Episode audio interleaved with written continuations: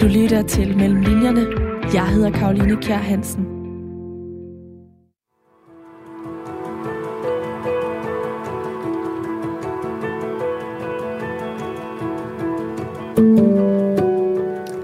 Hvad har Ringkøbing i Vestjylland og Volgograd i Rusland til fælles?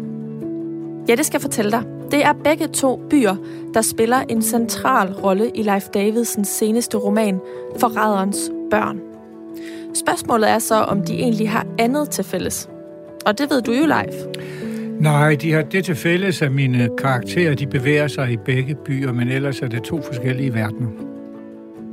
Leif Davidsen, der først som DR's korrespondent i Sovjetunionen blev kendt som Mr. Moskva, men i løbet af 90'erne og 0'erne slog igennem som en af Danmarks mest læste og folkekære forfatter, lader aldrig sin karakter betræde land, han ikke selv har betrådt. Derfor har han i arbejdet med forræderens børn researchet ved både at rejse til Vestjylland og til Volgograd i Rusland, men også til Italien og London, som er lokaliteter i spændingsromanen. Researchrejser, som vi skal høre mere om nu. For du lytter til Mellem Linjerne. Programmet, hvor jeg taler med nogle af Danmarks dygtigste forfattere om de forberedelser og oplevelser, der ligger før deres bøger kunne skrives. Alt det research-arbejde, de har været ude i, og som ligger mellem linjerne i deres bøger og Leif Davidsen. Lad mig begynde med at byde dig ordentligt velkommen til programmet her. Tak for det.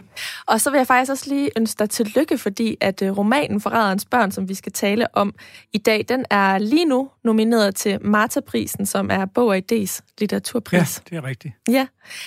Du øhm, er kendt for at være inspireret af virkeligheden. Ja. Og øhm, det er jo også en virkelig hændelse, som inspirerede dig til den her roman, det skriver du i hvert fald selv i efterskriftet. Der nævner du et øh, giftmord, der blev begået i 2018. Vil du ja, lige det prøve? var heldigvis det lykkedes ikke at slå. Nej, men, men et, et, et, et forsøg på at øh, præcis. Uh, slå en dobbeltagent, der hed Skripal og hans datter, som vel bare var tilfældigt til stede, slå dem ihjel med den her nervegift, der hedder Novichok. Det fandt sted i marts 2018 i Salisbury. Og han var lidt af en fascinerende karakter, som var øh, altså ansat i den sovjetiske, russiske efterretningstjeneste, men han hoppede af til Storbritannien og blev dobbeltagent og blev afsløret og sad flere år i fangelejr, inden han blev udvekslet i en spionudveksling mellem Rusland og Storbritannien, og flyttede så og levede stille og roligt i, i England, indtil han blev forsøgt øh, forgivet af to GRU-agenter. GRU er den, den russiske militære efterretningstjeneste. Det var det, der satte mig i gang med at tænke historien. Og hvorfor var det, at det her morforsøg, hvorfor inspirerede det dig? Altså, hvad var det lige ved det, der triggede noget hos dig? Jamen, det kan jeg ikke forklare, men triggede meget godt ord. Det er sådan, jeg har fået idéerne til de der mange romaner og noveller, jeg har skrevet. En eller anden begivenhed, en eller anden tanke, en eller anden replik, eller et eller andet, der er sket ud i verden, som jeg læser om, eller hører om, det er det, der øh, sætter det i gang, altså på den ene eller den anden måde. Fordi jeg starter altid med en idé og nogle personer, og så ved jeg ikke, hvad der skal foregå i mine bøger. Et eksempel er for eksempel en roman, der skrev, det hedder Patriarkens hændelige død, som foregår dels i Moskva og dels i Baltikum og i Danmark, og den, den kom i gang, fordi jeg var i Moskva for nogle år siden, og der døde den gamle patriark for den russiske ortodoxe kirke. Patriarken er lidt som deres pave. Mm og øh, i den ortodoxe kirketro. Og øh, det, han var en gammel mand, og Alexei den anden hed han, og man vidste, at han havde haft nære kontakter til KGB, for ellers kunne kirken ikke overleve under kommunismen. Man døde fredeligt i sin seng, sagde man, men der gik ikke lang tid før rygterne løb i Moskva, og rygterne løber altid meget stærkt i Moskva. Nej, nej. Han, øh, han døde ikke fredeligt i sin seng. Han blev myrdet. Og øh, hvem skulle dog gøre det? Ja, nogle autonome elementer inden for den føderale sikkerhedstjeneste, eller inden for militæret, eller andre steder. Nogen, der vil glæde herskeren. Og så videre, og så videre. Og øh, hvorfor skulle han dog slås ihjel, den elskelige gamle mand? Jo, fordi han ville ikke velsigne kanonerne i den kommende krig mod Georgien. Det vi er tilbage i 2008 i august. Og det kan man jo slet ikke øh, komme i nærheden af at bevise, eller som journalist, der er ingen, der vil udtale sig. Det kan aldrig komme i tv, det er, det, det, det, det er simpelthen umuligt. Øh, men det kan godt være rigtigt, fordi Kreml har altid slået sine fjender ihjel.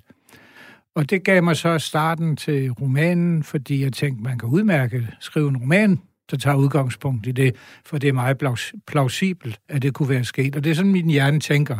Altså, og i det her tilfælde var det så en, en spion, der, et forsøg på at dræbe i, en ja, spion. der var mange ting nemlig, der undrede mig lige der, øh, da det skete i, i marts 2018. I dag tror jeg faktisk, at det er korrekt, hvad britterne siger, det nok var den militære russiske efterretningstjeneste GRU GRU, der stod bag. Mm. Men dengang var der mange ting, jeg ikke forstod. Øh, jeg forstod ikke, hvorfor slå ham ihjel, eller forsøge at gøre det. Øh, når man har haft ham i fangelejr ude i Sibirien, så kunne man jo have skaffet ham vejen der. Øh, jeg ved så meget om de hemmelige tjenesters liv og verden, at når man sådan ligesom har, har udvekslet nogle spioner og sendt dem på græs, jamen så lader man dem være i fred, fordi man har malket dem tør, og de, de er ikke noget værd. Det lyder som om det kører. Ja, men det er sådan lidt, øh, så, så er de ikke noget værd mere. Hvorfor okay. så pludselig så mange år efter gå efter ham? Øh, var han stadigvæk aktiv? Og det tredje forstod jeg ikke, hvorfor Rusland overhovedet var interesseret i at lave så meget rav i den, kort tid før, at, øh, at de skulle være værter ved VM i fodbold, som de havde sat sig rigtig meget på, fordi vi gerne vil vise det moderne Rusland frem og se, hvor flinke vi er selv under Putin. Så det gav ikke nogen mening.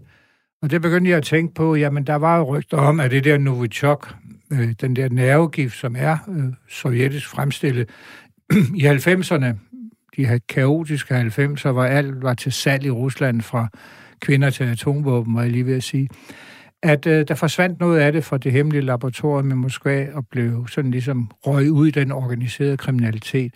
Så jeg begyndte at tænke, jamen kan der være noget organiseret kriminalitet bag det her? Kan der være mafiaen i Rusland, der står bag det her? Kan han have været involveret i nogle hvidvaskningsskandaler? Kan han stadigvæk have været aktiv på en måde, vi ikke kan forstå? Og så forlader man jo ligesom journalistikken. Mm. Øh, og så går man over i det fiktive univers, for det kunne godt være sådan. Og så finder jeg så selv på, på det, der i sidste ende blev i hvert fald lidt af, af nøglen til i forrædernes børn.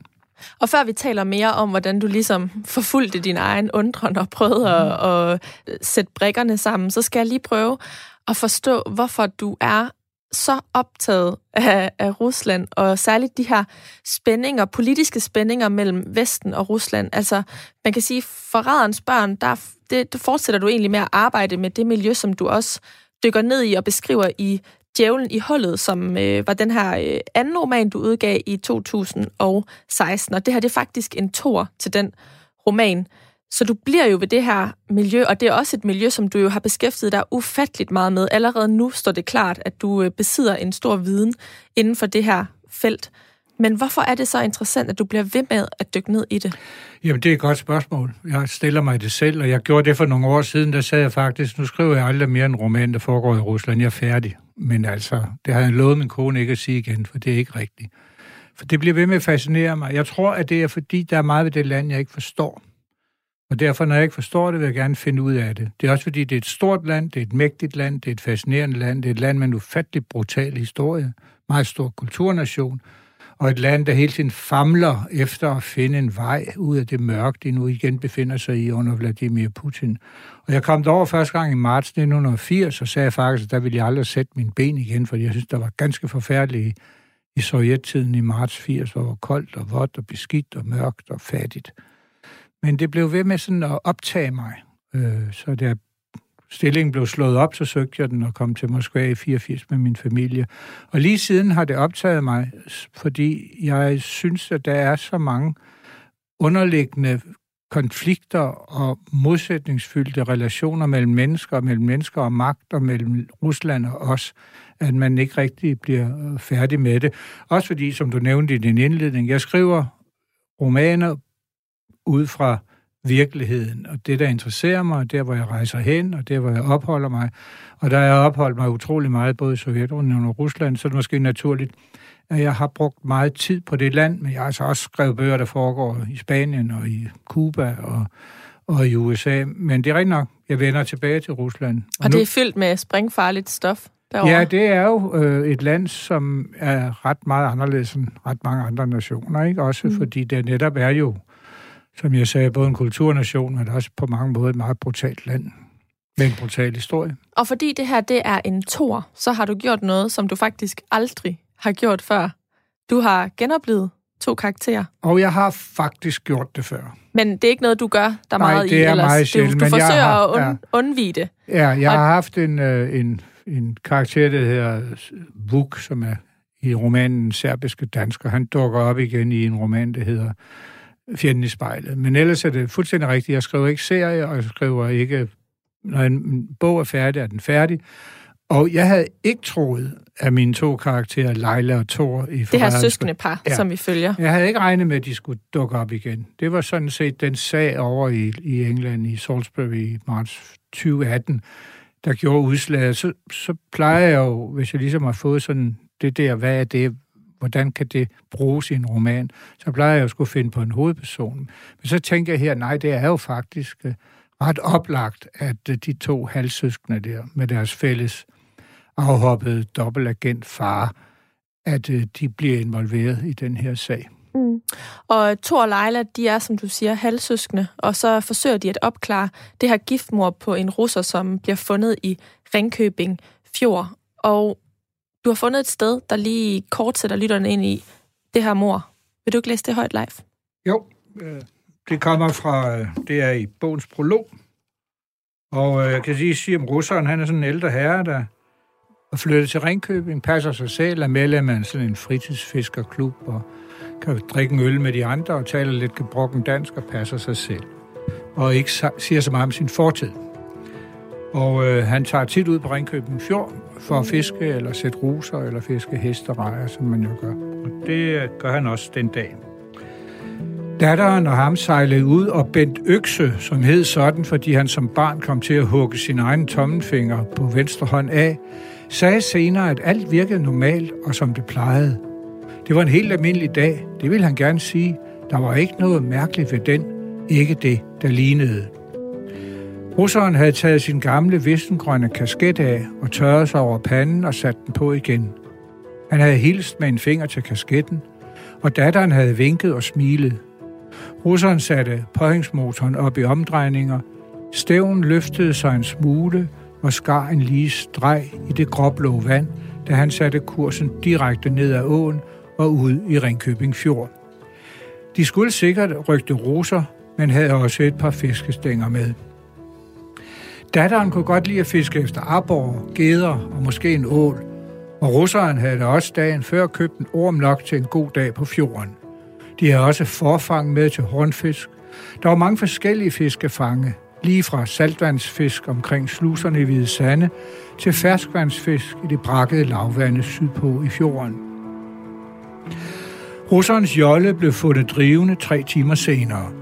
Det var Bette Åges store knæk Knud, der opdagede den på den anden side af fjorden i retning mod Hvide Sande. Han sagde senere, at det fandme ikke havde været noget kønt syn. Russerne havde været helt livlys med hvid frode om munden, som om han havde hundegalskab. Datteren havde også været bleg og kraftløs, men med mindre frode om munden. Hun havde lige kunnet hæve hånden.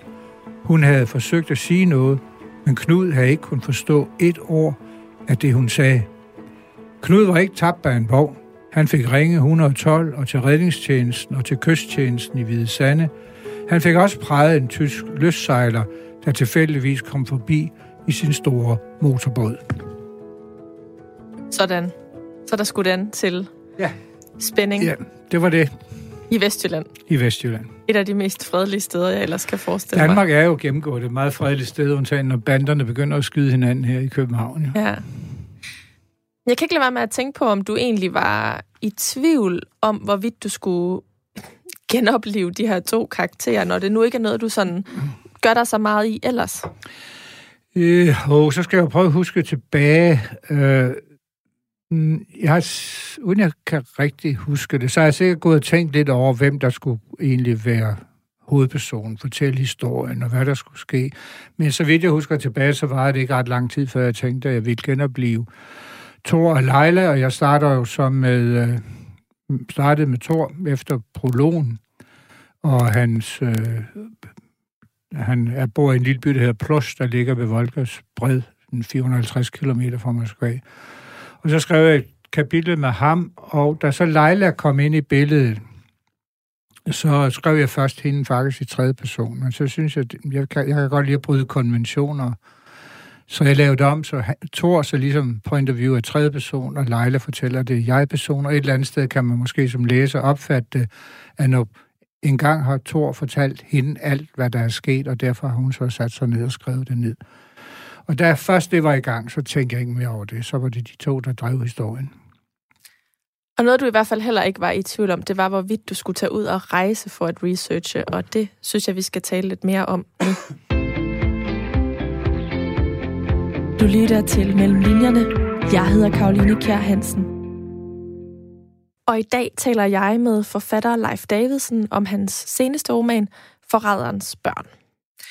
Rusland, Italien, Vestjylland og London. Det er alle de steder, som du har fortalt mig, at du har besøgt ja. i arbejdet med den her bog. Og før jeg hører mere om stederne, så vil jeg gerne prøve at sætte mig i dit sted i forhold til, hvorfor det er så vigtigt for dig at rejse til de steder, som din karakter opholder sig i. Jeg tror, der er, der er to, to grunde. Den ene er, at, øh, at jeg kan ikke skrive om steder, jeg ikke har været. Og jeg har, jeg har aldrig stort set på nær et par dage i Rom været i Italien. Øh, så det var... Har du prøvet at skrive om steder, du ikke har været? Nej. Så ved du vel egentlig ikke helt, om du kan. Nej, men det er godt nok mange år siden. Jo, ja. det har jeg jo et eller andet sted, for jeg har skrevet en gang historisk roman, og jeg har jo ikke været i, Moskva i 1936, eller i Spanien i 1936 eller 37. Ikke? Men, men ellers, hvis bøgerne foregår nu om dage, mm. så, så vil jeg gerne have været der. Ja. Og det er selvfølgelig lidt farligt, fordi der var en, faktisk en læser for nogle dage siden, der sagde til mig, altså den der roman Limespille, der beskriver du et, et torv i, i Madrid, et, der hedder Plaza Santa Ana, og sådan ser det altså ikke ud. Og det måtte jeg jo sikkert give hende ret i, fordi Limespillet foregår i 1998, og som vi ved bare her fra København, der sker altså noget med byerne. Ikke? Mm-hmm. Men jeg har brug for at være der, det er den ene grund for at skrive det. Og det andet, så gør jeg også altid det, eller når jeg rejser en del af det. Altså det er, simpelthen fordi det sætter dine tanker i gang, så du kan få, tank, få, og jeg, få ord på papiret. Jeg tager nogle billeder, men det meste af det kommer ned på i min lille notesbog, mm. som jeg altid har med. Den anden er, at jeg har brug for som forfatter at se ligesom stederne med mine personers øjne, så det ikke er Leif Davidsen og journalisten, der ser det. Men Leila for eksempel i Djævlen i Hullet, det er første gang, hun kommer til Moskva, og der har jeg været i hundredvis af gange. Men hvordan vil hun opleve byen? Hun har jo ikke nogen øh, erindring om, hvordan den var tung og grim og beskidt og, og mørk under sovjettiden. Hun ser bare en glitrende metropol, som Moskva er i dag, så hun, skal, hun, hun har ingen bagage med, så at sige. Og der er jeg ligesom nødt til at sige, nu går hun der, nu går hun der, nu går hun op til den nye park, der ligger ved Moskva-floden, og så kan jeg skrive ned, at sådan vil hun opleve det. Det, er sådan, det har jeg brug for, ellers kan jeg ikke, når jeg så kommer tilbage til romanen, skrive det. Så derfor har jeg brug for at rejse. I London kender jeg ikke særlig godt, men vi har en god veninde i London, og øh, min kone og jeg, så vi var over at besøge hende, og så sagde jeg til hende, kan du ikke fortælle mig, er der ikke et sted i London, som sådan er sådan finanscentrum, men ikke inde i centrum, men som, hvor, hvor en, en, en nogle 30 år meget, meget dygtig russisk indvandrer, med, der er finans, hvor hun ville bo og arbejde. Jo, jo, så skal du tage ud til Canary Wharf. Det er ikke helt nyt, men der, der er, det er lige stedet, hvor, hvor hun vil bo. Sådan en meget moderne bydel, der er meget langt fra de billeder, man har inde i hovedet af det gamle London med, med skyskraber og beton. Og, og øhm, så, må jeg, så går jeg en lang tur derude og skriver ned og forestiller mig, at der sker det, og der sker det, der møder hun Leila der, og der kan de være sådan. Det, det, sådan har jeg altid arbejdet. Og nu siger du, at du for eksempel har brug for at opleve stedet med din karakters ja. øjne. Hvordan gør du det helt konkret? Jamen, det gør jeg jo ved at sige, øh, at øh, du kommer... Altså, her har vi, hvis vi tager det London-delen, det Canary Wharf, ikke, så tænker jeg, om her ankommer Leila med, øh, med metroen, når hun skal stå der og holde øje med, med den kvinde, hun skal møde, og og hun vil komme gående der, og så skriver jeg ned min notesbog med alt muligt om, hvordan vejret er, og en måge kommer flyvende, og farver og mad, man kan få. Og sådan noget. Så jeg har i notesbogen en masse, i virkeligheden måske overflødige notater, for jeg kigger ikke særlig ofte i dem. Men så er jeg ligesom... Lagt... Men du laver dem alligevel? Det gør jeg, ja. fordi jeg dels kan jeg ikke lade være, og dels tror jeg på, at så sidder det bedre inde i den fynske bogved, og, øh, og, og det har jeg så brug for. Og så kan jeg lade dem bevæge sig der og have de der samtaler. På mange måder minder det måske virkelig lidt om det, som en filminstruktør vil gøre. At han eller hun scouter locations. Altså, mm. jeg har brug for at have nogle locations, som jeg øh, kan placere mine fiktive personer i. Ja, og hvis vi prøver at zoome ind på locations i forræderens øh, børn, hvilken en udvalgte du og besøgte du først? Det kan jeg faktisk ikke huske. Jeg ved om ikke, at det var, var Italien, hvor jeg egentlig ikke første omgang tænkte, at jeg skulle bruge den til forræderens børn. Men lige så snart vi kom derned, så begyndte jeg at sige, at det her er jo oplagt. Fordi jeg havde egentlig... Nej, nu kan jeg komme huske det. Jeg, jeg, jeg valgte Italien af flere grunde. Et, fordi det, det er et land, der har en net under Berlusconi havde en meget tæt forbindelse til Rusland. Berlusconi og Putin er på mange måder potter pande. Det er et land, der nede ved Amalfi-kysten har rigtig mange øh, velhavende russere. Og det er øh, andre byer, kan man se nogle kæmpe store villager med høje mure og porte og sådan noget, bevogtet, hvor der bor nogle meget, meget velhavende øh, russere. Det kan du også finde i det sydlige Frankrig, så, hvor jeg også overvejede en periode at, at lægge handlingen. Men øh, det, der gør det, jeg tænkte var interessant ved, ved Amalfi-kysten, det er, der også nogle af de her velhavende, meget, meget velhavende russere, rige russere, der har nogle enorme øh, løsbåde, altså joks, som ligger for anker derude for kysten. Så det ene med det andet, så, så, så valgte jeg, at det var der, ligesom at øh, Leila og Thor skulle ned. Hvad tænkte du, da du gik rundt der på Amalfi-kysten? Jeg tænkte, det var perfekt, det her. Perfekt sted, de der villager, og især med, med øh, altså, der optræder i bogen, i romanen, en stor jogt, og den har jeg aldrig været ombord på, øh, men jeg kunne se den ligge for anker derude i, i kassen. Den var blå, og den var stor, og man kunne se nogle enkelte øh, hvad hedder det, mandskabet gå rundt, og nogle gange kunne man bemærke, at der sad nogen på agterdækket og tænkte, det er sådan en, jeg skal bruge. Men øh, jeg var ikke ombord på den, men det, det behøver jeg heller ikke. Jeg kunne gå lidt på nettet og se, hvordan sådan en er indrettet, og så kunne jeg bruge min fantasi og indrette den, som jeg synes. Og, og hvor, så, gik, øh, hvor gik turen så hen efter Italien?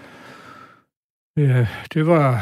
Ja, så tog vi til Volgograd også jo, og øh, til London, ikke? Mm. Øh, men Volgograd også. Det var også meget bevidst, fordi jeg har været i Volgograd før, men det er mange, mange år siden. Det var i sovjettiden, helt tilbage i 87. Så jeg havde brug for at se stedet igen og se, hvordan byen havde forandret sig. Hvordan var det at genbesøge stedet? Det var meget, meget positivt, fordi altså, den russiske provins også i dag kan være ret trøstesløs øh, selvom der er sket meget de sidste 20 år. Men Volgograd er en meget stor by, der bor en million mennesker. Den er 80 km lang øh, ved Volgaflodens bred. Ikke? Men man bliver jo i centrum, og i centrum var der meget fint. Altså, det var meget, meget øh, lyst og venligt, og folk var venlige, øh, og det er man som gammel sovjetrejsende ikke forventet med. Og det var faktisk det, der overraskede dig ret meget ja, det, det besøg, var det egentlig, og også at øh, der, der var også noget politisk, der overraskede mig. Vi var der faktisk over en weekend også, hvor de... Øh, hvor der var store demonstrationer i Moskva mod, mod Putin, øh, blandt andet den nu også giftramte Navalny organiseret. Og vi var så der en, en time, halvanden times flyve, flyvetur fra Moskva, altså en tusind kilometer sydpå fra Moskva, ikke? Og der var ingenting. Der var bare fred og roligt, og folk gik tur. Men der var noget, jeg bemærkede, som var helt, helt nyt for mig, og også for min kone, og vi er jo kommet i det land i, i mange år. Der er sådan meget, hvis man forestiller sig centrum, øh, fordi byen blev smadret totalt under 2. verdenskrig, øh, da den jo var under navnet Stalingrad. Jeg er sikker på, at mange af dine lyttere så får de billeder af ødelæggelser og vold og mord. Enorme tab af menneskeliv. Så derfor er det en by, der er meget lige, fordi man bygger sådan op igen, så laver man lige gader. Den ene og den anden vej, som New York i virkeligheden. Men de var sådan grænse af træer, og der var springvand, og der var meget, meget rent. Øh, hvad man ikke heller var forventet med i den russiske provins i gamle dage. Og så for første gang så jeg faktisk unge russiske mænd tage sig af deres børn. Altså gå med dem i sådan en pose på maven og lege med dem, og nede ved floden var der sådan springvand og, og øh, blomster og legesteder, de kunne være øh, legepladser. Ikke? Og det var meget, meget egentlig meget positivt at se, at øh, der var en, en ny generation, der voksede op i det der ellers meget macho og mandsdominerede samfund, som faktisk tager sig af deres børn, øh, som unge mænd, eller som jeg gjorde, da jeg var, havde små børn i Danmark. Men i, men i Rusland er altså noget nyt, og det, det giver mig altid håb at se sådan noget, fordi jeg tænker, de mennesker har noget andet software op i hovedet, og måske at den måde optræde civiliseret på, kan på et tidspunkt komme til at smitte af på den manglende civilisation, der findes i det russiske samfund. Så det var meget positivt at være der.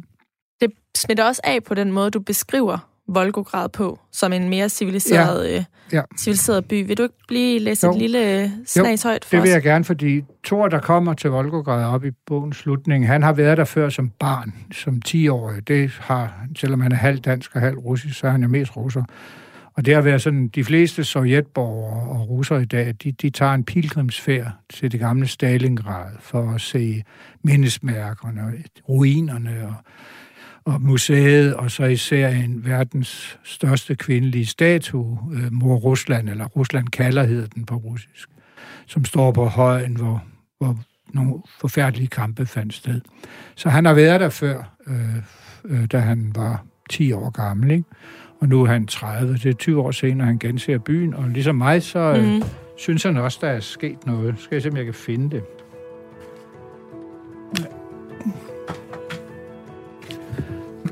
De er kommet med nogle helikopter til byen, og øh, så skriver jeg sådan her. FSB-chaufføren i Tors køretøj var en ung karseklippet mand, der ikke sagde et ord, men kun hilste med et nik.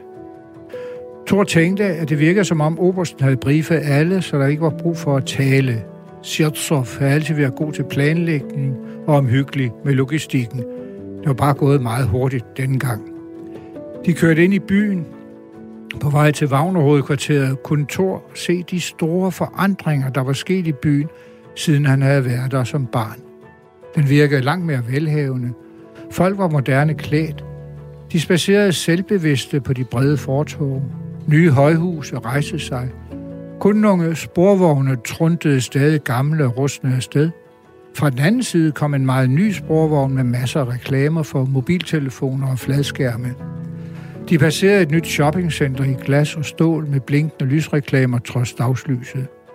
De kom længere ud mod forstederne, og det gamle, slidte Volgograd dukkede frem med forfaldende betonbygninger og huller i asfalten. Tak skal du det, have. Som tak, jeg selv sagt, sådan er det i de fleste russiske byer, inklusive Moskva, at uh, kommer man lidt væk fra det glitrende centrum, ikke, så kan man godt se det gamle sovjetiske arv mm. med betonblokkene og hullerne i vejene og, og hele den der forladthed, der kan hvile over den. Hvorfor var det lige Volgograd, som øh, du tænkte, du udså dig som lokation?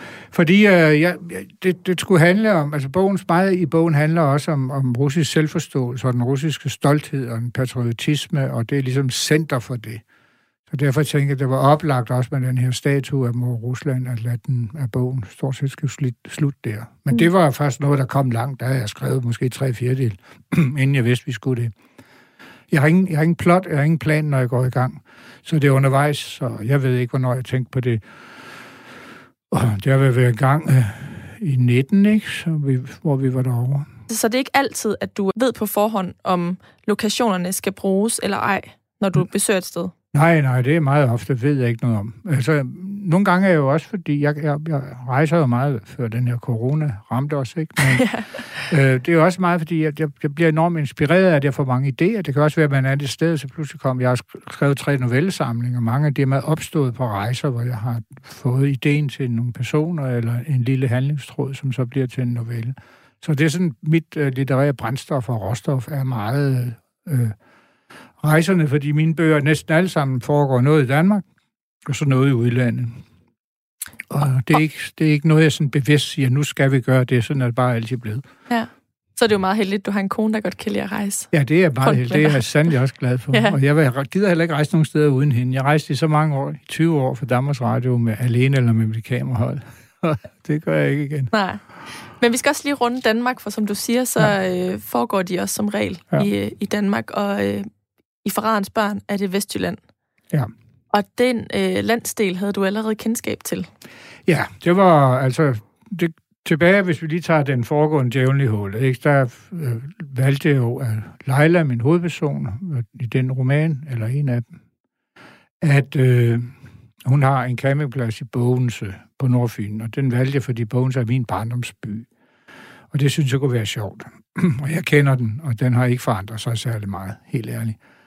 Og så er den i samme størrelse, øh, indbyggermæssigt og arealmæssigt, med den by, hvor Thor bor i, der hedder Plus, som sagt, der ligger ved Volgas bred, som er en fantastisk lille perle, som man ikke finder ret mange steder i Rusland. Det, af en eller anden årsag er den aldrig blevet smadret og gjort til beton, som så meget andet. Den er smuk og idyllisk, og den ligger med øh, små træhuse og har syv kirker, som ikke er blevet sprængt i luften. Og den er jo sådan, øh, om vinteren er der altid sne, og om sommeren er der altid varme, og russerne har sådan et helt romantisk forhold til den. Man kunne forvente, at, at Gogol gik der rundt, eller Tjekov, eller alt muligt andet. Og de rige moskovitter har fundet den og bygget, altså købt de der huse, sat dem i stand, og deres små hoteller. Så, så ligesom moskovitternes tisvile, eller sådan noget. Så det Hermed synes... rejsetip givet videre. Ja, det kan man roligt gøre. Man kan om sommeren tage en hydrofoilbåd fra Moskva, ellers må man køre. Men øh, der tænkte jeg, passende plus, så er det Bones, og så er det de to. Og øh, med den her roman, Frederens børn, der, der valgte jeg Vestkysten. Jeg har haft sommerhus derovre siden på 2003. Så jeg kender stedet, og jeg synes, det, kunne, det vil være et fint sted at anbringe Thor, fordi Thor, som han taler nok dansk, øh, som han har fra sin danske far, men han er russer ind til benet, og jeg kan godt lide at have sådan en karakter og bruge ham til sådan at betragte danskerne og danskernes liv derovre på Vestkysten, og især i Søndervig, hvor der er jo virkelig mange turister om sommeren. Korrekt. Det kan jeg i hvert fald også skrive ja. under på. Som, så øh, derfor, øh, men altså, jeg har jo været der masser af gange, og sådan, mm. men derfor gik jeg alligevel en tur rundt i øh, både Jamen, Ringkøbing og, hvordan, og Tors og og, og, hvad hedder det, og Søndervig og Tors Minde, som jo også spiller en rolle. Ja, for nu, nu nævner du uh, Volgograd, som ja. du har besøgt for 20 år siden, ja. og så genbesøger nu her, men, ja. men Vestjylland har du jo ikke daglig gang i, men altså har du jo fuldt udviklingen ja. øh, år efter år. Hvordan adskiller researchen sig så, når du er to steder, som du har så vidt forskelligt kendskab til? Jo, men et eller andet sted er det samme jo. Altså, jeg, tager, jeg besøger den der Vundø fiskelav, eller bådelav, som har ligget der i sidste 150 år. Men jeg har aldrig været dernede. Så skal jeg jo lige ned og se, hvor ligger børnene ser båden ude, hvor ligger det henne. Vånå er en å, der forbinder Stadilfjord med Ringkøben Fjord. Og der holder de til. Og så går jeg bare og kigger og skriver ned, hvordan det ser ud. Der er røde hus og floden er der, eller åen er der. Og det er det ene det samme med, med Søndervig, altså hvordan vi to opleve Søndervig. Og i Tors Minde, der var det meget enkelt. Jeg skulle finde et hus, hvor et menneske skulle dø. Og jeg vil ikke sige om det, men altså, der gik jeg rundt i den der lille forblæste fiskerby for at finde det hus, jeg kunne bruge. Hvordan vælger man så sådan et hus? Hmm, det er lidt intuition. Jeg tænkte, det her det passer, det, det ligger, hvor det skal, og det er ikke så stort, han bor der alene, og det, det synes jeg er perfekt. Hvad gjorde egentlig størst indtryk på dig øh, af alle de her rejser, du har foretaget dig i forbindelse med Forræderens børn? Jeg tror næsten, at det var gense i Volgograd. Det synes jeg var nogle fine dage, ikke? Men øh, det var også fint at være i Italien. Der var jeg vildt. Det bruger jeg også i romanen. Altså, der var jo... Altså, Firenze er jo en smuk by, hvis man ellers kan se dem for turister, ikke? Det var lidt mærkeligt at tænke på på mange måder, at den beskrivelse, der er i, i af, af sommerhuslivet og især livet i, i, i Italien, i Firenze, det er jo, i de her tider er det helt eksotisk at, at, at, at læse om. Så hvis man er rejselysten, så kan man med fordel det læse Det kan man med, med stor børn. fordel, og jeg, jeg synes også, jeg har, jeg har et sted, ikke, hvor, hvor, hvor Thor han bemærker, hvordan danskere giver hinanden knus. Det må vi jo heller ikke mere, vel især som han bemærker, at kvinder gør, at de stikker måsen bagud og hviler hovederne mod hinanden, og så stryger de sig sådan et par gange ned af, af ryggen. Ikke? Det synes han er en meget dansk måde at, at give, give knus på og kram på. Det kan være, at vi har glemt den, når det her engang er overstået. Ikke? Ja, det er en bog, hvor man øh, kan få stillet sin rejsesult, eller havde forfatteren, fordi man ikke kan rejse derhen, som han, de steder, hvor han, som han skriver om. Det lyder også til, at du savner at rejse lidt Det gør selv. jeg meget. Jeg synes, det er meget klaustrofobisk, at man ikke Så kan komme nogen Det er steder. svært, at du ikke kan Ja, det er komme ud. svært også, altså fordi det er en del af mit, øh, af mit job, altså. Så ja, jeg savner at, at rejse meget. Og jeg gider ikke rejse med masker og alt sådan noget. Så Men hvis vi prøver at spole tiden tilbage til, da du researchede til forræderens ja. børn, og du godt måtte rejse, og ja. Du ikke skulle have masker eller noget som helst. Hvad var så det svære i den proces? det svære, jeg husker egentlig ikke noget, der var svært. Det, det gør jeg ikke. Jeg måske også nødt til at forklare, at nogle forfattere, de researcher jo, og så går de hjem og skriver. Sådan, det er jo ikke sådan, jeg arbejder. Altså, jeg skriver noget, så når jeg til et punkt, og så må jeg sige, okay, nu skal jeg jo så til London, fordi ellers kan jeg jo ikke komme videre her. Eller nu er det Italien, der skal ind, eller vi, vi tager til Volgograd, og skal vi ind, ikke? Og, og så går, gør vi det, og, og så tager jeg tilbage, og så skriver jeg videre. Så det er et proces fra, for jeg går i gang, og til det slut, der går jo et par år. Men det er ikke sådan, jeg er ude at rejse hele tiden og hjemme hele tiden. Det, det, det, er, en, det er en vekselvirkning mellem, øh, mellem, øh, to, øh, mellem de der to måder at gøre det på. At Enten at være i felten eller være hjemme. På mange måder er det jo lidt mit gamle udenrigsjournalistiske håndværk. Jeg også bruger ved at snakke med folk og se stederne og høre, hvad de siger og finde ud af, hvad der foregår. Og sådan noget. Men den her bog er meget russisk, og derfor, det, det er jo ligesom, det gør jeg alligevel. Ja, nu har vi hørt en del om, hvordan det var at være i felten øhm, ja. i forbindelse med forræderens børn. Så nu synes jeg lige, vi skal prøve at zoome lidt ind på skriveprocessen. Du lytter til Mellem Linjerne. Jeg hedder Karoline Kjær Hansen.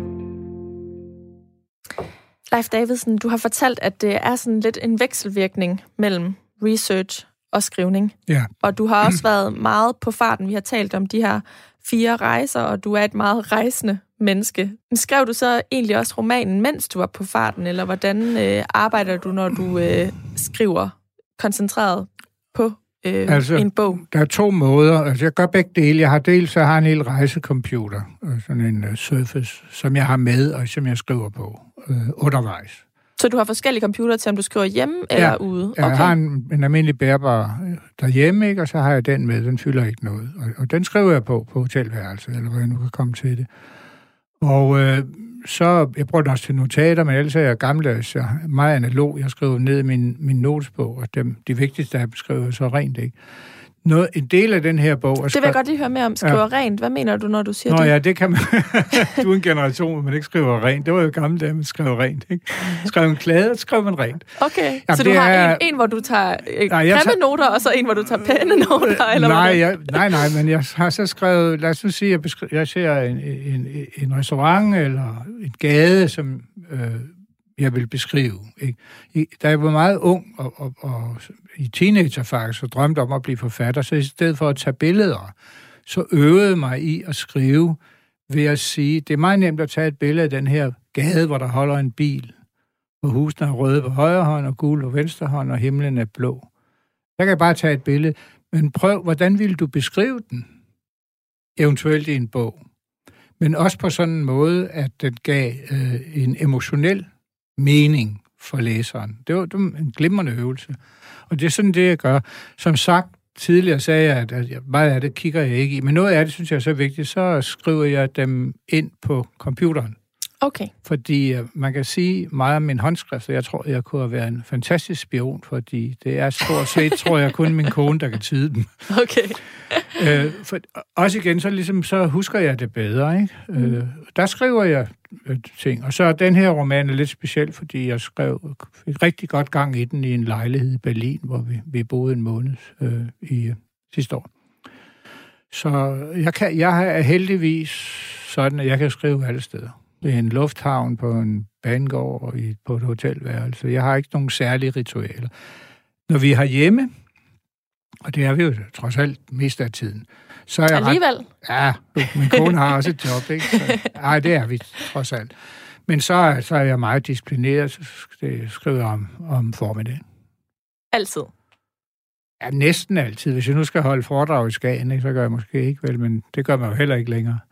Nej, så, så er jeg ret disciplineret. Øh, og jeg har den... Øh, har den vane, at jeg skal helst skrive noget hver dag, om ikke andet bare to linjer. Okay. Jeg er sådan lidt overtroisk, Fordi når man arbejder på den måde, jeg gør, øh, hvor jeg ikke har en plan eller et plot på forhånd, så er det meget vigtigt, at man bliver inde i sit univers. Fordi ellers frygter jeg, at det kan forsvinde. For det har jeg oplevet en gang i mit liv, øh, i, øh, tilbage efter jeg havde, var debuteret som romanforfatter i 1984 med en roman, der hedder Uheldige Alliancer, der foregår i Spanien. Så flyttede vi til Moskva i 84. Og jeg begyndte på en ny roman, for, for, at, sige det ud, for at sige det lige ud. Der var ikke ret meget at lave i starten. Jeg skrev mest nekrologer. Det var det, alle de gamle mænd var. Men så kom Mikhail Gorbachev jo, som nogen sikkert godt kan huske, og så begyndte der jo at ske ting og sager. Så jeg fik slet ikke tid til at skrive på min roman. Og det er ikke for at klage, for det var en meget, meget spændende tid at være journalist i Moskva. Korrespondent. Da jeg så fik noget tid og noget fri og noget ferie, så fandt jeg romanen frem.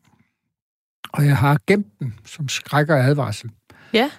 Ja, fordi øh, den handler om en mor, der finder et drab, der finder sted i København. Den her noget, der hed besæturoligheder i 80'erne, øh, som var ret voldsomme, og sammenstød mellem besætterne og politiet.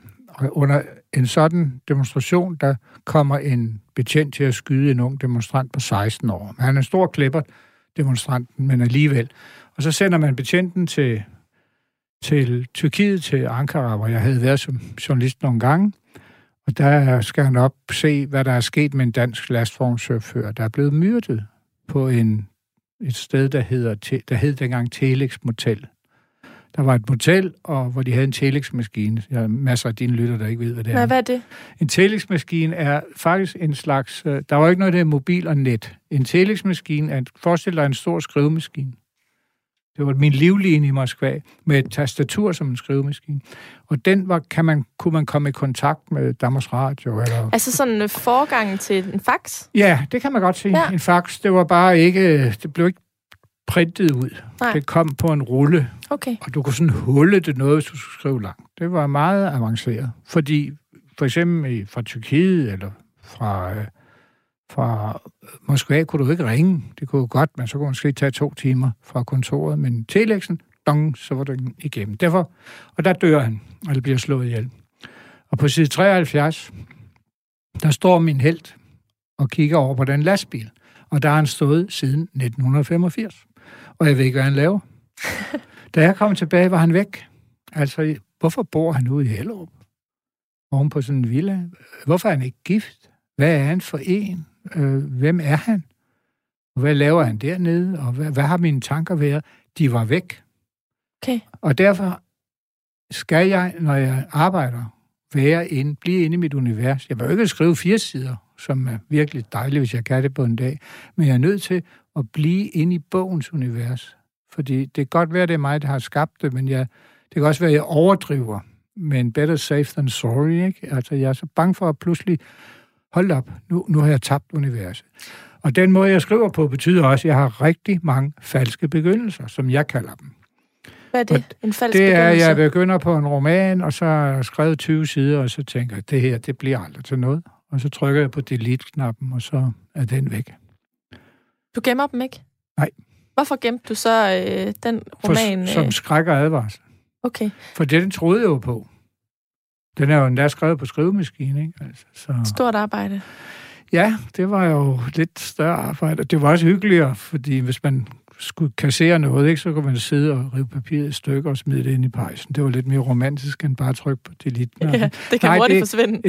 Ja, ej, det kan godt være, det er lidt overtroisk, ikke? men man, altså, nogen har jo deres ritualer, det er min overtro. Men Leif Davidsen, jeg kan ikke lade være med at tænke på, at hvis du så vågner en dag, og du sætter dig ved computeren, og du kan bare ikke, der kommer ikke noget ud, hvad gør du så? Altså åbner du så det her skrækdokument med den falske historie på 73 sider, eller hvordan tvinger du dig selv i gang? Og det kan jo også være, at det slet ikke er en, en øh, oplevelse, du kan ikke genkende til, men jeg kunne bare forestille mig, at det ikke er hver dag, man har lige meget inspiration. Nej, det er rigtigt, men øh, jeg tror, inspirationen er lidt overdrevet. Altså, det må jeg sige. Jeg, jeg prøver også at sørge for at slukke for nettet, når jeg skal skrive, fordi okay. jamen, internettet er jo verdens største overspringshandling. Så jeg åbner selvfølgelig, hvis jeg har brug for research, det er jo fantastisk research-redskab, mm. ikke? men det er også en overspringshandling. Øh, Nej, men så sidder der, så skriver nogle notater, eller kigger på, og skriver rent, og, øh, men jeg, har, jeg lider ikke i 7-9-13 af, af skriveblokering. Mm. Jeg har ikke nogen smerte ved at skrive. Faktisk elsker jeg at skrive, holder meget af at skrive. Ja. Så jeg synes ikke, det er en, en pine og en plage, men øh, tværtimod. Men der er der bøger, hvor jeg kan og jeg kan ved, at sådan min historiske roman, Min brors vogter for eksempel, som jeg, tror jeg har tænkt på i mange år, fordi jeg interesserer mig for Spanien og den spanske borgerkrig i mange år. Jeg glæder mig som et lille barn hver morgen til at komme ind og skrive. Den her fra børn, den havde sine momenter, hvor jeg tænkte, det her, det tror jeg ikke bliver til noget. Og så var det, at Berlin ligesom fik knækket nøden, så jeg kunne komme ordentligt videre. Og det, det ved jeg ikke, om man en tilfældighed, eller man nogle gange bare trænger til at flytte sig for ligesom at kigge på noget andet, og så, så kommer det i gang igen. Så jeg håber ikke på skriveblokering, men den hvide skærm har ikke skræmt mig endnu. Og håber, jeg håber at den kommer til det. Jeg håber, jeg kan skrive til at falde om. Altså. Det mm. håber jeg virkelig. Det tror jeg også, der er mange læsere, der håber ja, på. Ja, det, det er jeg da glad for. men, men live, hvis du skriver hver dag, øhm, og ikke næsten, lider næsten, næsten hver dag, ja, ja. stort set, og ikke lider af skriveblokering 7 i 13, ja. øhm, har du så skrevet noget og brugt noget research til forræderens børn, som ikke er kommet med i den bog, vi står med her? Ja, ja, det, det, det gælder alle romaner. Altså alle har man noget, man ikke kommer til at bruge, og man tror, man skal bruge, og helt klart. Men hvad det er, det kan jeg ikke sådan lige stå, huske, huske på stående fod. Så det var mere sådan små passager, ikke hovedkarakter, der nej, blev skrevet ud? Nej, det er der ikke. Okay. Øh, jeg, nej, nej, det er der ikke. Altså, det, en eller anden sted har jeg en meget stor tiltro til min underbevidsthed, fordi jeg, øh, øh, jeg er sikker på, at der skal nok vise sig noget. Der er klart, at nogle gange bliver skrevet mig op i et hjørne, og så må jeg jo ligesom komme ud af det hjørne, og så kan der godt være, at jeg er nødt til at slette nogle sider, og så komme i gang igen. Ikke? Men det sker rent faktisk meget sjældent. Og når jeg er færdig med en roman, første øh, klade, hvad man skal kalde draft på filmsproget, ikke? så læser min kone med som min første læser. Hun er eminent dygtig til at læse øh, og, og sprog og sådan noget. Og øh, så snakker vi jo om det og sådan noget. Det er meget sjældent, hun finder, hun finder masser af sprogligt, vi kan diskutere, men det er meget sjældent, hun finder sådan øh, ulogiske ting og sager i plottet, eller ting, der ikke hænger sammen. Øh, og, det er det, du bruger hende til? Ja, det er mest til det sproglige, ikke? og jeg har jo lært gennem, at jeg har været gift i over 40 år, ikke? at øh, jeg skal ikke, kan lige så godt høre efter, for hvis jeg ikke følger hende, øh, så slår min redaktør uværligt ned på det samme. Altså, så det kan jeg lige så godt gøre. Og så, øh, når det er sket, ikke? så ryger den jo igennem maskinen igen. Øh, og måske en, en tredje gang. Og jo, igennem maskinen igen, så kommer redaktøren på, og så ryger den igennem maskinen igen. Så det er jo tre eller fire gennemskrivninger, inden øh, den er afleveres endeligt til, til forlaget. Og der finder man jo ting, der kan ryge ud, eller hvor flere øjne, der er på, så er der jo nogen, der siger, at her på side 89, det, det, det siger du faktisk også på side 33, ikke? Og så må man jo gå ind og kill your darling, som vi siger. Men, Men skete jeg... der fatale ændringer i, øh, i forræderens børn, da du uh, skulle nej. omskrive den? Nej, nej. nej det så det er more den roman, ja, ja, skrev det er Morles, den roman, jeg skrev. Okay. Jeg kan huske en af min roman, skrev det De gode søstre, som er en meget kompliceret roman, der foregår omkring 1999, hvor NATO bomber Serbien, men det er også en historie om sådan lidt underbelyst øh, del af den danske nyere historie, nemlig øh, de danske Østfront frivillige, der var kæmpet mod på Østfronten mod Sovjetunionen. Det er sådan set meget godt belyst.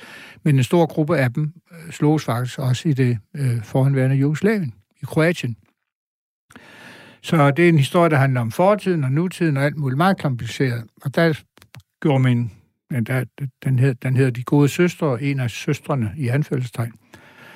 Hun øh, spiller en væsentlig rolle, og der gjorde min kone opmærksom på, at hvis stamtavlen så at sige skulle passe, så havde den kvinde altså været gravid længere end en elefant, så det var jeg nok nødt til at gå ned ind og ændre på. Ikke? Og så begyndte jeg at tænke, okay, jeg plejer at have det i hovedet, men der var jeg altså nødt til at lave en planche på væggen med med personernes indbyrdes relationer og deres, øh, og deres alder og så videre, øh, for at det gik helt galt.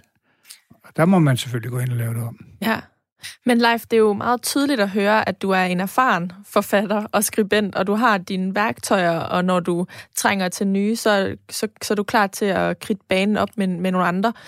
Men Er det grundlæggende blevet nemmere for dig at skrive efter alle de her år? Nej, det synes jeg faktisk ikke. Jeg synes, jeg skriver langsommere, end da jeg var, var yngre. Altså, jeg kan nogle gange tænke på, hvordan i alverden fik jeg tid til det. Altså, da jeg, jeg, i mange år var jeg jo øh, fastansat i Danmarks Radio, og skrev en 4-5 romaner ved siden af. Og det ville jeg ikke kunne gøre i dag. Det tror jeg ikke. Jeg synes ikke, det er blevet nemmere. Tværtimod. Måske bliver man også lidt mere kritisk. Måske synes man, og det kan jeg godt tage mig selv i, at man har trampet ned stierne før, og har ikke lyst til at gøre det igen. Så øh, nej, jeg synes ikke, det blev lettere. Det synes jeg ikke. Jeg synes stadigvæk, det er, det er fantastisk. Jeg synes, jeg kan ikke...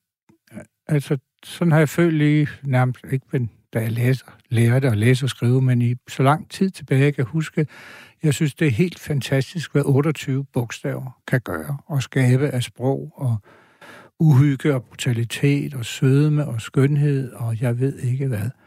Øh, og det, det bliver ved med at fascinere mig, hvad, hvad sprog kan og hvad sprog ikke kan. Og man kan jo virkelig misligeholde det og forvanske det på det groveste, ikke? Og, og samtidig kan der jo skabes stor øh, litteratur og kunst og sprog ud af det, og det synes jeg, at vi, det holder jeg aldrig op med at blive fascineret af. Men måske så bliver det nemmere med tiden at håndtere udgivelsesprocessen. Jeg synes i hvert fald, at vi skal tale om udgivelsen af Forræderens børn nu.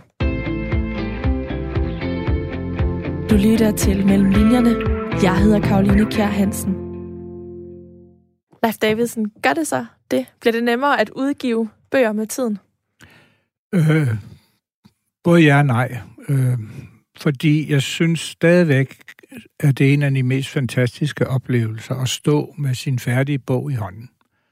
Fra trykken og se den. Her er den. Her, ligger, her er to års arbejde. Og nu afleverer jeg den, og så har jeg ikke mere med den at gøre. Øh, så det er stadigvæk det samme. Det er hverken blevet bedre eller værre. Jeg synes stadigvæk, det er helt forunderligt. Det er blevet nemmere, nemmere, fordi jeg ikke længere tager mig særlig meget anmeldelser. Øh, så derfor er jeg ikke så nervøs for, hvordan den bliver modtaget, og hvordan det går og sådan noget. Det, det kan jeg ikke tage mig af så meget mere. Jeg vil jo som alle andre mennesker gerne roses og have gode anmeldelser. Men øh, jeg tager mig så ikke af de mere negative. Og det lærte jeg egentlig for nogle, for nogle år siden, øh, hvor, hvor min kone meget rigtigt sagde til mig, altså du har fået fantastiske anmeldelser, og det eneste, du taler om, det er de to dårlige. Altså, og så jeg tænkte, ja, altså, det er jo ikke, man siger jo, weekendavisen mener, og politikken mener, nej, det er jo enkelte mennesker, der mener, og der er jo 117 meninger om det, og så det blev nemmere, for der var jeg langt mere nærtagende og nervøs, og kunne gå virkelig og tænke på, hvor, nu kommer anmeldelserne, og hvad sker der og sådan noget, men det gør jeg ikke mere. Nu nævnte du tidligere, at din kone, hun altid læser. Altid, ja. Øh, Lige fra den første, ja. Har du haft nogle andre på Nej, til specifikt hun er den eneste, barn? altså før, øh, hun, før vi er færdige, min kone og jeg, så er der ingen, der ser det. I efterskriftet, der øhm, skriver du, at øh, hvis der er fejl og mangler, så er den på dig. Ja, det helt sikkert. Hvorfor var det vigtigt for dig at i tale sætte det? Jo, det har jeg gjort i flere bøger. Mm. Altså, fordi det, det, altså, de mennesker, jeg takker, øh, nu er der ikke så mange her, men der var flere i andre bøger, ikke, hvor jeg har, har talt med mange mennesker og læst mange bøger og sådan noget. De skal jo ikke hænges op på fejl, jeg laver. Øh, så, så det er mit ansvar, det er helt sikkert. Så må man skyde mig, og ikke dem, der har hjulpet mig. Og nu er det jo så et par måneder siden, at den er udkommet. Du ja. nævnte lige den her enkelte læser, som havde haft en anke mod øh, en beskrivelse af en plads i, øh, i Rusland. Ja. Men, men ellers, hvordan har, har de læserhenvendelser, du har fået, været? Og de har været gode. Altså, folk har, er glade for bogen, og og øh, mødte en over i Brosen i Sønder Nisum, der ligger derovre, en tidligere kollega i Danmarks Radio. Han spurgte, om de ikke skulle rejse en statue af mig på Vestkysten, nu jeg havde beskrevet Vestkysten så fint, så sagde jeg, jeg venter på, at de rejser ind i bogen til min barndomsby. Nej, jeg synes, det er, det er gået fint, og der, den har jo været haft et mærkeligt liv, fordi normalt, når sådan en roman udkommer, så vil jeg jo holde måske 20 foredrag om ude omkring i bibliotekerne, men det er jo stort set lagt død, ikke? Så derfor har det været en anden, en, en anden proces øh, den her gang. Og måske kommer det også til at have en indflydelse på den øh, proces, du er i gang med nu. Er du i gang med at researche til en, øh, ja, jeg en ny? jeg er i gang med at researche nu. Mm. Øh, og jeg har, skrevet, jeg har skrevet en prolog og to kapitler, og det er en bog, jeg har tænkt på i flere år, som jeg nu har besluttet at se, om jeg ikke kan forholde på. Det er Så en, det er ikke en træer? Nej, de der, de er færdige. De kommer ikke. De, det, og, og nu skal du passe på, hvad du siger. Ja, det ved jeg godt. Men det kan jeg ikke forestille mig. Nej. Altså, jeg synes, jeg, jeg giver både min kone, men også flere læsere sagde til mig efter djævlen i hullet, den her, den, øh, den, du lægger dig op til en to, og gør du ikke? Men det havde jeg faktisk ikke tænkt, jeg ville. Øh, og jeg var gået i gang med den historiske roman, men øh, lagde den så det side på grund af den her trængse på. Og den historiske roman foregår så i København 1910, og så i, øh, som, i Petrograd, som det hed dengang, St. Petersborg, i 1917 og 18. Jeg glæder mig til, at øh, du forhåbentlig vil komme her ind i studiet og fortælle om researchen næste ja, gang. Ja, det vil jeg gerne, for det er jo en anden måde at researche på. Mm. For nu, Leif Davidsen, tak fordi du ville være med. Tak fordi jeg måtte. Du har lyttet til Mellem Linjerne, programmet, hvor jeg taler med nogle af Danmarks dygtigste forfattere om de forberedelser og oplevelser, der ligger før deres bøger kunne skrives. Alt det research-arbejde, de har været ude i, og som ligger mellem linjerne i deres bøger. Du kan finde hele programmet her som podcast på radio4.dk, i vores app eller i din foretrukne podcast-app. Hvis du lytter til programmet i iTunes, så tøv ikke med at give det en anmeldelse, fordi så ved jeg, om I synes, at programmet det udvikler sig i den rigtige retning eller ej. Mit navn det er Karoline Kjær Hansen, og jeg håber, vi lyttes ved.